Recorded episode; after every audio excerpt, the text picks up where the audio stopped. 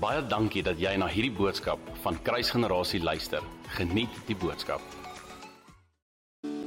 Hallo familie, ek hoop dit gaan goed met julle. Dis vir my weer 'n voorreg om vanoggend die devotional saam met julle te deel en ek eh, wil vanoggend 'n stuk met julle deel uit Joshua 1 uit en ons sien dat Joshua is geroep om by Moses oor te vat en die volk in die beloofde land in te lei. En vers 8 is die hoofskrif waarop ek wil fokus en dan ook vers 9.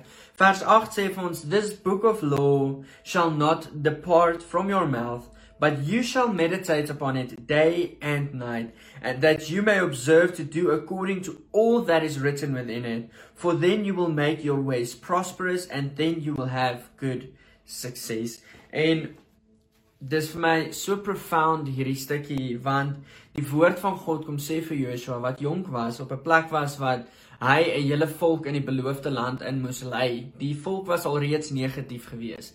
Die volk was alreeds op 'n plek geweest wat hulle kwaad was vir God want hulle was vir 40 jaar in die wildernis geweest. En as jy daaraan dink, ons is op 'n plek vandag wat as jy social media kyk of as jy baie besigheidseienaars as vriende het dan kom jy agter dat hulle word baie benadeel en hierdie word so dit veroorsaak negativiteit. As ek kyk op Facebook hoeveel negativiteit word gespreek oor ons president, hoeveel negativiteit word gespreek oor ons land want ons ekonomie gaan uit. As jy 'n besigheidseienaar is, jou BEE is dalk nie hoog genoeg nie en as gevolg van dit kry jy nie finansies van die of ondersteuning van die government af nie. En daar's net soveel goed. Dit kan 'n sneeubal word wat rol. En weer eens die realiteit is dat daar soveel negativiteit rondom ons. Daar's soveel goed wat gespreek word en Joshua was hier op 'n plek gewees wat hy 'n negatiewe volk in die beloofde land in moes vat.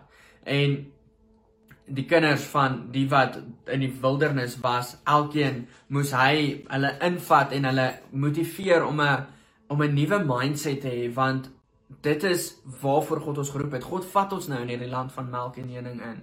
Um en dis my profound dat hy vir Joshua sê, mediteer op hierdie woord. Maak hierdie woord van God deel van jou lewe, want as ek nou daaraan dink, hulle kom uit 'n wildernis tyd uit. Hulle, hulle kom uit 'n woestyn uit waar hulle nie veel gehad het nie. Nou gaan hulle in 'n land van melk en honing. Nou gaan hulle in 'n plek in waar daar soveel geleenthede is om suksesvol te wees. Soveel geleenthede is om om hulle fokus te verskuif van God af. En Joshua kom sê maak hierdie woord van God deel van jou leefstyl en dan sal jy suksesvol wees. En die realiteit is familie dat miskien is jy op 'n plek waar daar 'n moeilike tyd voor jou is of 'n moeilike tyd langs jou is. Almal van ons is in hierdie virus, almal van ons word geaffekteer. Ons ekonomie word geaffekteer wat beteken ons word geaffekteer deur hierdie virus en ons kan kies wil ons negatief wees of ons kan kies reageer ons soos wat God vir Joshua gesê het hy moet. Mediteer op hierdie wetboek dag en nag. Maak dit deel van jou lewe. Die Hebreëse woord vir mediteer se een definisie is om om daarop te mumble, om daaroor te praat, om dit onderlangs heeltyd te spreek en heeltyd daaroor te dink, heeltyd dit deel van jou gesprekke te maak, mediteer op hierdie wetboek en dan kom die belofte en alles wat jy doen sal prosperous wees en alles wat jy doen sal suksesvol wees. En dan hoor wat sê vers 9. Hier is 'n skrifgie wat ons almal so goed ken. Have I not commanded you be strong and of good courage?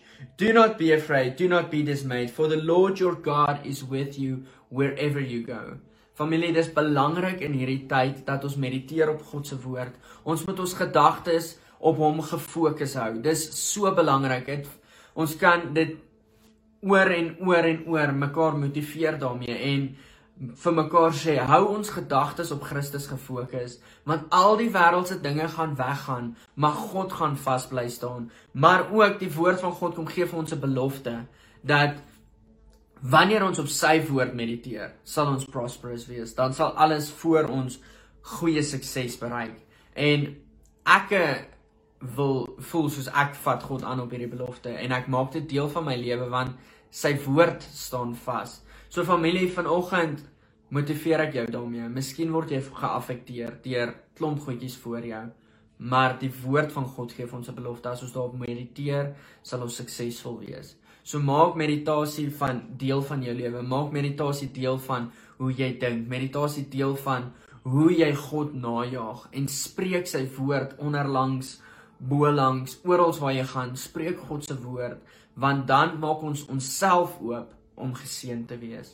Familie, mag jy vandag geseënd wees en mag hierdie vir jou maklik kom. Mag daar geen blokkades wees wanneer jy mediteer op God se woord nie en mag daar geen confusion wees nie. Ek kom spreek sommer net seën oor jou uit. Ek kom spreek uit dat jy 'n gees van wysheid en openbaring sal ontvang en dat die Heilige Gees die Vader se hartklop aan jou sal openbaar, dat die Heilige Gees Jesus Christus aan jou sal openbaar en dat ons sal be begin leef volgens sy standaarde, dat dit vir ons 'n begeerte sal wees om hom na te jaag en nie wêreldse dinge nie. So familie, mag jy geseënd wees en mag jy gemotiveerd wees deur hierdie woord in Jesus naam.